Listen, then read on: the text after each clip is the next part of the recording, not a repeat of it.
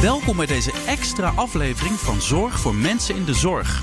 Ik ben Robin Rotman en in deze aflevering van Stichting IZZ en PGGM Co. onderzoek ik hoe zorgorganisaties en personeel in crisistijd niet alleen hun patiënten, maar ook zichzelf gezond kunnen houden. Mijn zorg voor de zorg is dat ze krijgen eigenlijk geen tijd om uit te rusten. Vandaag hebben we het over het boekje Zorgen voor Professionals. Hierin staan 84 praktische tips in moeilijke tijden. Zo'n fase legt alles bloot. Alles wat goed werkt, alles wat niet goed werkt. Dus daar moet je eh, eigenlijk heel hard naar gaan kijken, gaan observeren... om daar de goede dingen uit te halen. Werk jij nou in de zorg? Ga dat boekje lezen. En je kan hiervoor naar zorgenvoorprofessionals.nl en dan kan je hem gratis downloaden. Mijn gasten vandaag zijn Donatus Teunen, coach en schrijver van het boekje.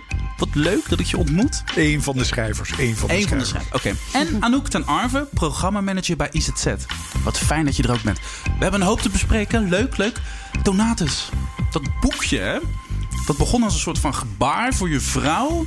Die werkt in een ziekenhuis. Ja. En inmiddels is het heel de wereld over aan het Ja, gaan. het, is ne- het is in negen talen nu te verkrijgen. Ja. Wat is er gebeurd? Nou, het is ontploft. hoe- begon Ja, het het? is gewoon ontploft. Ik weet ook niet hoe dat zo kwam. Maar mijn vrouw vroeg of ik een. Die maakte zich zorgen in het begin van de coronatijd. eh, wat er gebeurde in haar ziekenhuis. En maakte zich zorgen over de mentale gezondheid van haar eh, collega's en medewerkers. En toen zei ze: Je moet een boekje schrijven. Nou, als mijn vrouw een opdracht geeft, dan volg ik die natuurlijk. Dan gaat Donatus aan de Ik ga slag. natuurlijk altijd doe ik dat precies zoals zij dat wil. En toen zei, ben ik dat gaan schrijven. En toen vervolgens was het bijna af, heb ik er nog wat collega's bijgehaald. En eh, ja, nu is het in negen talen vertaald. Want ben jij zelf actief in de zorg? Of ben jij een, eh, wat, wat doe jij eigenlijk? Nee, eigenlijk niet. Ik coach mensen en teams, maar ik zit hoofdzakelijk in het bedrijfsleven. Mhm. En ik heb wel een aantal ziekenhuizen ooit begeleid en bij een aantal ziekenhuizen gewerkt. Maar ik ben nou niet de specialist in, eh, eh, in de ziekenhuisbegeleiding. Nee. Hm, Maar jouw vrouw is waarschijnlijk een belangrijke sparringspartner geweest. Absoluut. En ik heb nog een aantal collega's van haar gesproken. En ik heb zelf natuurlijk ook een aantal vrienden waar ik dingen tegenaan heb gelegd. En een crisis in een ziekenhuis of een crisis in het gewone leven is toch eigenlijk voor een groot gedeelte ja, heel universeel. Nou, en dat is uitgemond in een boekje. Maar Het is een, we zeggen steeds boekje, maar het is ook echt een klein boekje. Ja. Maar met, met, met, met, met, met 84 hele praktische tips waar je gewoon eigenlijk doorheen kan bladeren.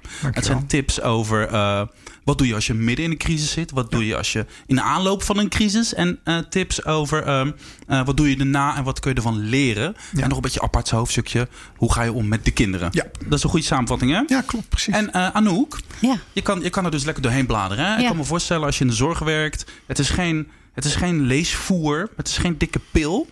Eh, maar ik denk wel dat het inspirerend is. Hè? Ja. Waar- waarom is dit, wa- was het nou eigenlijk nodig dat er zo'n boekje kwam... Ja. voor mensen die in de zorg werken?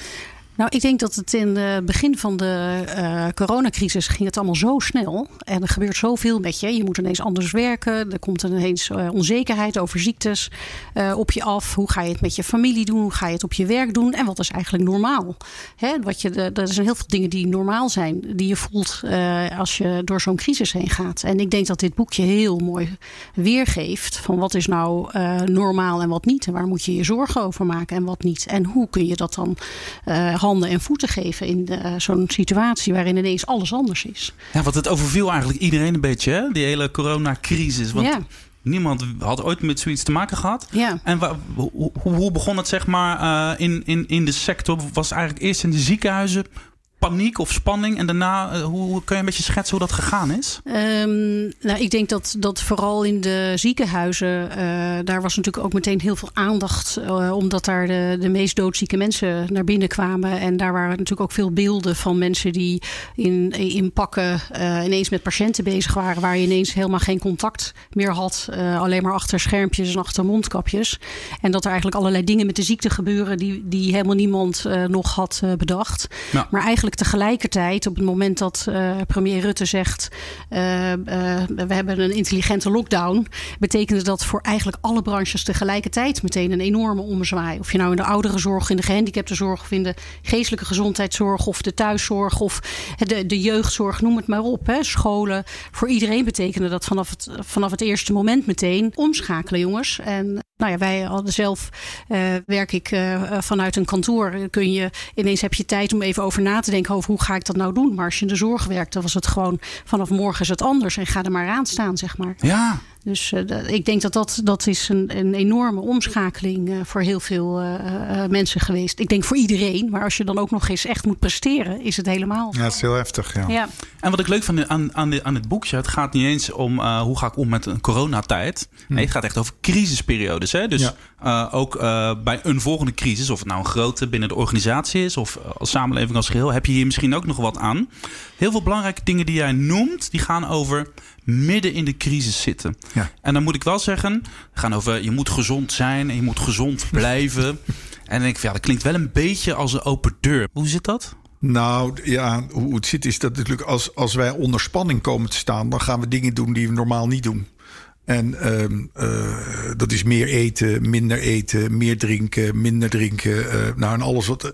Het, we veranderen gewoon omdat die spanning ontzettende invloed op ons heeft. Nou, eigenlijk is een, de, de, een crisis is een soort zware wedstrijd die je moet doen. Dan moet je gezond blijven. Ja. Dat betekent dat je op moet letten met nou, allerlei vormen van voedsel en drank die je binnenneemt. Ja. En dat vergeten we.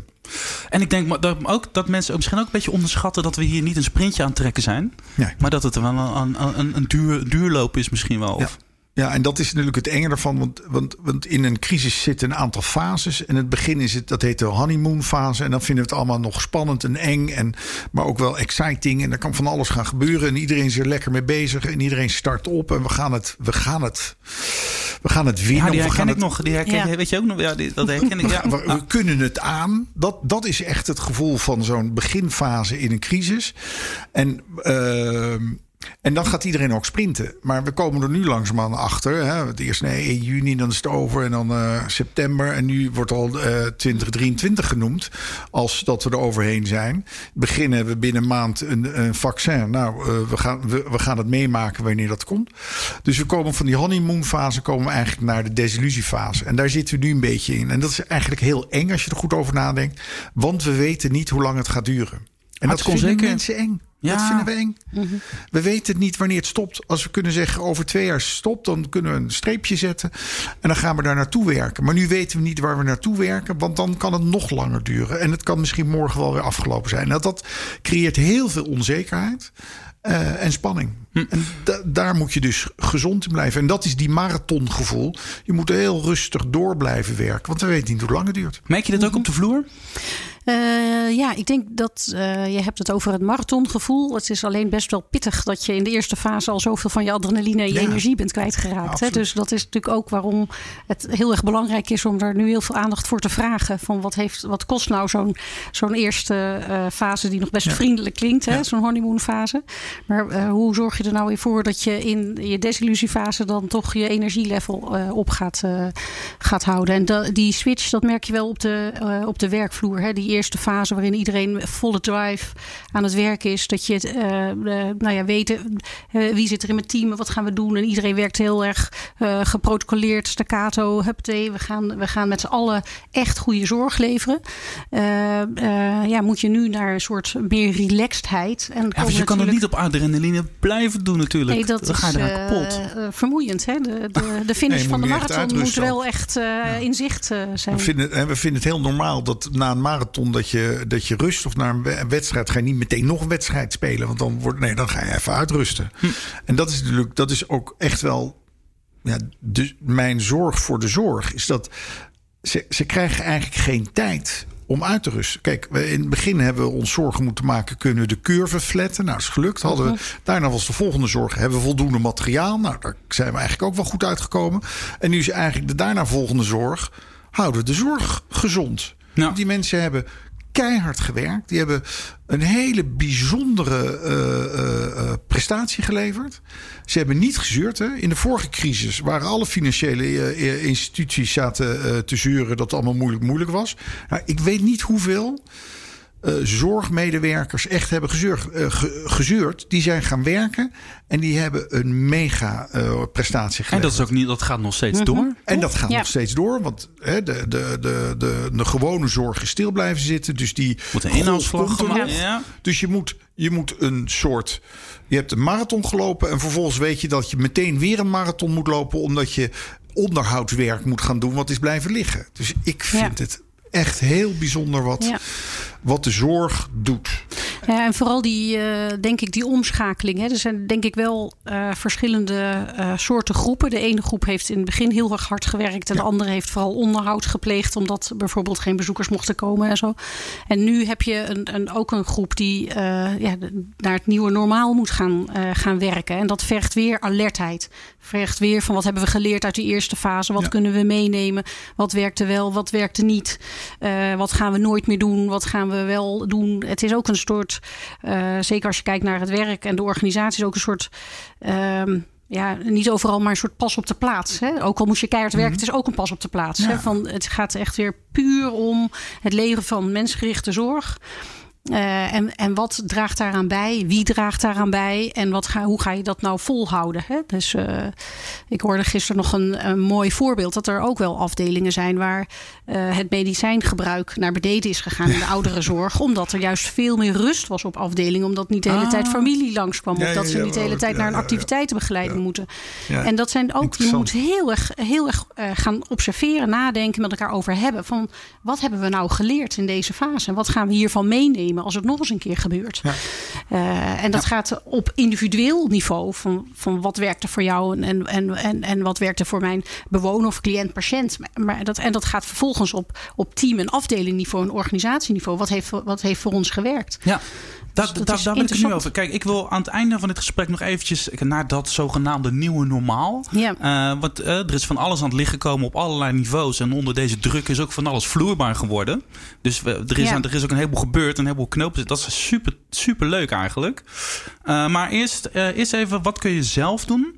En dan de stap, wat kan je als organisatie doen? Ja. En daarna ronden we hem af met het nieuwe normaal. Ja. Eerst even wat je zelf zou kunnen doen. In jouw boekje lees ik iets over maak een zorgplan voor jezelf.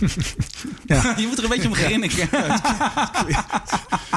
nou, waar, waar, ik zelf altijd waar ik zelf, uh, uh, zelf vlekjes voor krijg... is als mensen mij gaan vertellen uh, wat ik allemaal moet doen. Want dan denk ik van ja, hallo, dat bepaal ik zelf. En daarom zetten we ook in het boekje... als het boekje niet bevalt, dan mag je het gebruiken... als een aanmaakboekje voor in de open haard. Ja, als dat werkt voor je, is ook goed. Ja, je mag je het weggooien. Dat is, dat is goed. Maar wat is een zorgplan? Een zorgplan is een soort manier waarvan je denkt... als ik het moeilijk krijg, dan moet ik deze dingen gaan doen. Uh, het is je voorbereiden op de wedstrijd, uh, zou je kunnen, doen, uh, kunnen zeggen. Het is het voorbereiden op een lastige periode.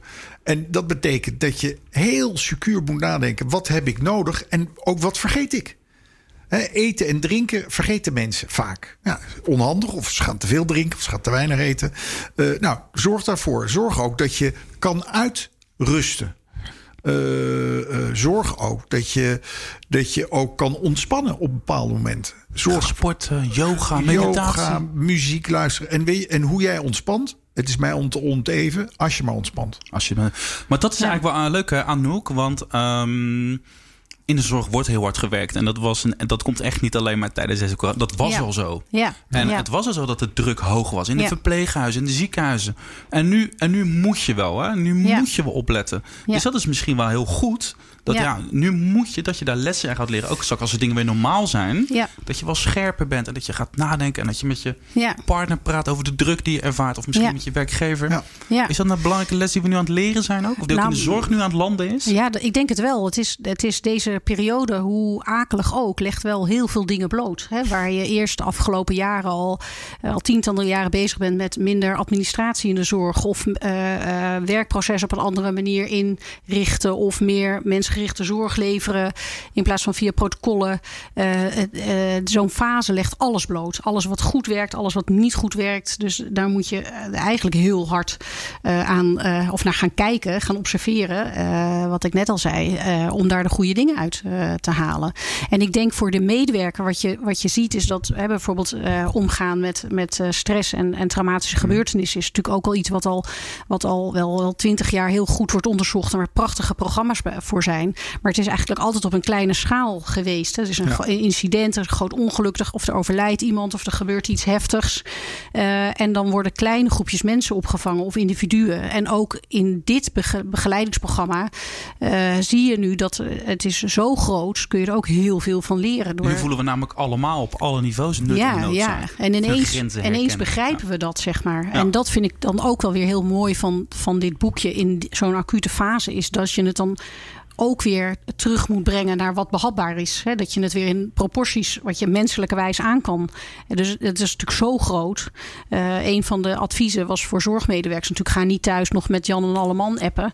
Uh, of zet even de tv uit. Want je moet echt momenten hebben waarop je iets heel anders doet... dan nog meer met die crisis bezig zijn. Ja. Uh, nou, ik, ik, denk dat er zijn dus eigenlijk allerlei uh, ja, niveaus uh, waarop je heel erg uh, bezig kan zijn met wat je nu leert uit zo'n fase. Zie je dat dat gebeurt, dat dat wordt opgepikt in organisaties?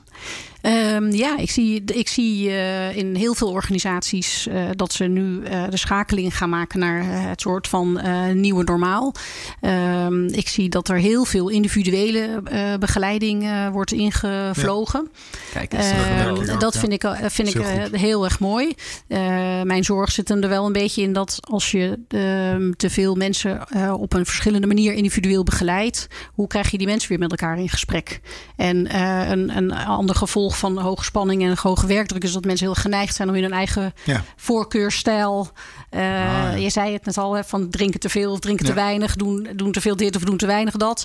Uh, dat, je, dat je moet voorkomen dat je allemaal eilandjes krijgt, want die zijn weer heel moeilijk om aan elkaar te verbinden. Dus dat wordt nu best een uitdaging. Hoe krijgen we. Je krijgt een veel stromenbeleid, wat, wat, wat onhandig is. Dat klopt. Ja. En dat is in de acute fase is dat prima. En in het nieuwe normaal is het heel. Eh, kunnen daar zou je het gewoon over kunnen hebben. Hè? Dus, en dat kun je eh, als organisatie ook faciliteren. Of ja, dat moet je misschien dat wel moet je denk ik wel faciliteren. Nou, je moet er heel, Ik denk dat organisaties er super alert op moeten zijn. Wat er is gebeurd met de medewerkers. En voor sommige mensen was dit het hoogtepunt uit hun carrière wellicht. Uh, en voor andere mensen was dit het ergste wat ze hebben meegemaakt. En daar, daar moet je geen oordeel over hebben. Dat moet een constatering zijn. En dan moet je afvragen: en hoe moet ik daar de goede zorg voor leveren? Ja. Um, en dat is, dat is heel complex. Maar als medewerker ja. kan je die zorg ook voor jezelf opeisen nu, toch? Dat je ja, tegen je baas van ja, hallo, dit, dit, is allemaal prima wat er nu van me gevraagd wordt. En ik doe het ook met heel veel liefde. Ja. Maar ik heb ook geen, kom op, help me ook een beetje om. Ja, ja en daar moet je wel fit voor zijn. hebben gehad, hè, die gaan dat niet opeisen. Dat, is, dat is het lastige. Dus daar is de taak van de leidinggevende, okay. is om daar alert op te zijn. Of of ze wel de zorg hebben gekregen die ze nodig hebben. Daar een omgeving te creëren waarin, dat, waarin je dus je kwetsbaar mag opstellen eigenlijk. Ja, precies. Waar, de, waar dat veilig is. En waar je ook, uh, wat jij net zegt, eh, Donatus, dat dat, dat zonder waardeoordeel uh, besproken wordt. Hè? Iedereen zit anders in de wedstrijd. En iedereen heeft een bepaalde manier van, uh, van omgaan met crisissituaties. Heeft natuurlijk ook te maken met of je naar huis gaat en een gezin hebt. Of dat je nog mantelzorgtaken hebt. dat je, ik hoorde van iemand die gaat naar huis en die heeft een, een man in een rolstoel thuis zitten. Die werkt in de zorg. Die, is, die, die hebben natuurlijk veel meer dilemma's nog mee uh, te dealen dan, uh, dan iemand die dat niet heeft. Hè? Dus, uh, dus de, de, zoveel mensen, zoveel verschillen. Heb je daar nog praktische tips over? Die werk, privé. Want iedereen kan zich wat voorstellen. Als je in de zorg werkt en je werkt met kwetsbare groepen. En je, dan, dan, ja, misschien word je wel besmet. Of misschien. Uh, uh, en je komt thuis en je zit met een, misschien met een kwetsbare partner of met kinderen. Hoe heb je daar nog een beetje tips voor? Uh, of ik daar een beetje tips voor heb. nou, het is zo moeilijk om. Als ik een compleet werk had moeten schrijven, dan hadden we 7 miljard uh, adviezen erin moeten verwerken. Uh, het is zo'n individueel manier om, om, om hoe jij tot rust komt. Ja. Ja, ik ga, ik ga als ik moe ben en gestrest, moet ik een slechte, uh, slechte film gaan kijken. Maar mijn vrouw wordt er gek van. Ja. En dat is niet dat ik dus niet tv moet gaan kijken uh, en gaan Netflixen. Maar dat we dat niet samen moeten doen. Ja. Dus het is een heel, daarom is het zo belangrijk om je individuele zorgplan te maken. En ook aan te geven wat, wat, wat, wat je thuis wel kan hebben en wat je niet moet hebben. Want voor hetzelfde geld zeg je: ik ben thuis en ik wil vooral niet meer worden geconfronteerd met vervelende verhalen hoe het was. En andere mensen willen juist een verhaal kunnen doen. Dat is niet dat iedereen zijn verhaal moet doen, maar voor sommige mensen helpt het heel erg om hun verhaal te doen en voor andere mensen Ja. niet. En de kinderen, hoe ga je om met de kinderen? Sorry, de kinderen? Ja, eh, Heb je, je hebt daar een deel van het boek aan gewijd, maar... Ja. ehm, ehm, het is ook, daar is het ook weer zo individueel hoe zij. Sommige kinderen hebben het nauwelijks door en genieten van de vrijheid die ze hebben. En andere mensen en andere kinderen nemen die zorg volledig over en leiden daar in stilletjes over. Het is, het is alert zijn en kijken wat je, wat je observeert en wat je voelt als ouder. En dat bespreekbaar kunnen maken. Dat is niet makkelijk als je zelf ook nog in de stress zit. ja. Ja. Ehm, dus het is, het, zijn, het is gewoon een hele complexe materie. Waar als, ik, als je dan een boekje schrijft met 84 eh, eh, eh, ideetjes om eventueel iemand te kunnen helpen. Ja, dat is nooit voldoende. Want het is, het is geen tailor-made programma. Ja, en tegelijkertijd eh, vind ik het wel voldoende. Hè, want doordat je, doordat je zegt. Eh, doordat je er weer e- even iets boven gaat hangen en het weer simpel maakt. Gaan, eh, het, het advies van je moet rust hebben, op, hè, dat kan op 17 miljoen manieren. Ja. Maar het advies rust is het advies rust. Of ga eens even iets anders doen. Verzet je, eh verzet je gedachten. Of ga met elkaar daarover praten. En dat vind ik ook in de, in de teams en zorgorganisaties zo belangrijk. Dat, dat we nu gaan naar een fase waarin je gewoon met elkaar die dialoog aangaat. En eh, dan gaat eh, hebben over van hoe heb jij het dan eh, meegemaakt. En dat zijn allemaal verschillende Dat manieren. super zijn maar er is één gebeurt. ding, je moet het er gewoon over hebben met elkaar. Ja. Zodat Ja. je weer elkaar begrijpt en inzicht hebt. En weet waarom je net een snauw hebt gekregen van iemand anders. ja, want daar zit dus die belangrijke rol van de werkgever. Zorg voor die omgeving waar gepraat kan worden. Nou, zeker. En ook die werkgevers. De, heel veel eh, zorgorganisaties werken met eh, zelfstandige teams, hè, met taakvolwassen teams. Er zijn naar een fase gegaan waarin het toch weer behoorlijk eh, directief eh, was. Hè? De, gewoon zo gaan we het doen en we hier geen twijfel over mogelijk. We moeten ook weer terug gaan schakelen naar wij zijn weer taakvolwassen. We hebben onze eigen zeggenschap binnen het team. En hoe gaan Nou. we dat organiseren? Dat moet je eigenlijk ook heel bewust doen. En als je een aantal van die mechanismes waar wij eigenlijk als mens allemaal ja, last of profijt van hebben, als je die mechanismes gewoon algemeen gaat inzetten, dan kom je volgens mij weer best wel ver. En dat is bijvoorbeeld door met elkaar in gesprek te gaan. Hè? En weer geïnteresseerd zijn in elkaar. En, en eh, nou, Nee, kijken eh, wat wel en wat niet goed ging. Oké, Donatus, eventjes evaluerend en een beetje terugkijkend. Ehm, het nieuwe normaal in de zorg. Ja, het is, eh, af en toe word ik ook moe van term het nieuwe normaal. Maar oké, voilà. Ja. Eh, daar Er ligt moet nog iets mooiers Daar ligt hij op tafel, het nieuwe normaal. Kun jij overzichtig aan al een soort tendens of een soort eh, belangrijke punten noemen... waar je denkt van dat hebben we al geleerd, dat gaat goed... of daar zijn we al met bed, dat pakken we al op met z'n allen? Kunnen ook misschien dingen zijn die in jouw boekje staan... waar je denkt van nou, dat, dat, doet, dat doen we eigenlijk wel goed met z'n allen. Maar wa- wat, wat ik ongelooflijk knap vind, eh, is dat de zorg in staat is om heel hard door te schakelen en iets heel goeds neer te zetten. Eh, en wat we hebben geleerd, is dat, eh, dat die capaciteit aanwezig moet zijn en moet blijven. En dat betekent dat. dat dat je dus anders moet nadenken over voorraadbeheersing en allemaal van zulke soort zaken. Dat als meerdere virussen of rampen of crisissen komen, dat we dat snel en, en makkelijker aan kunnen eh, oppakken. Dus ik denk dat dat één element is. Ik denk dat de internationale afhankelijkheid van producten, eh, medicijnen en waar ze allemaal vandaan komen en of ze nog wel komen, ik denk dat dat een onderdeel is.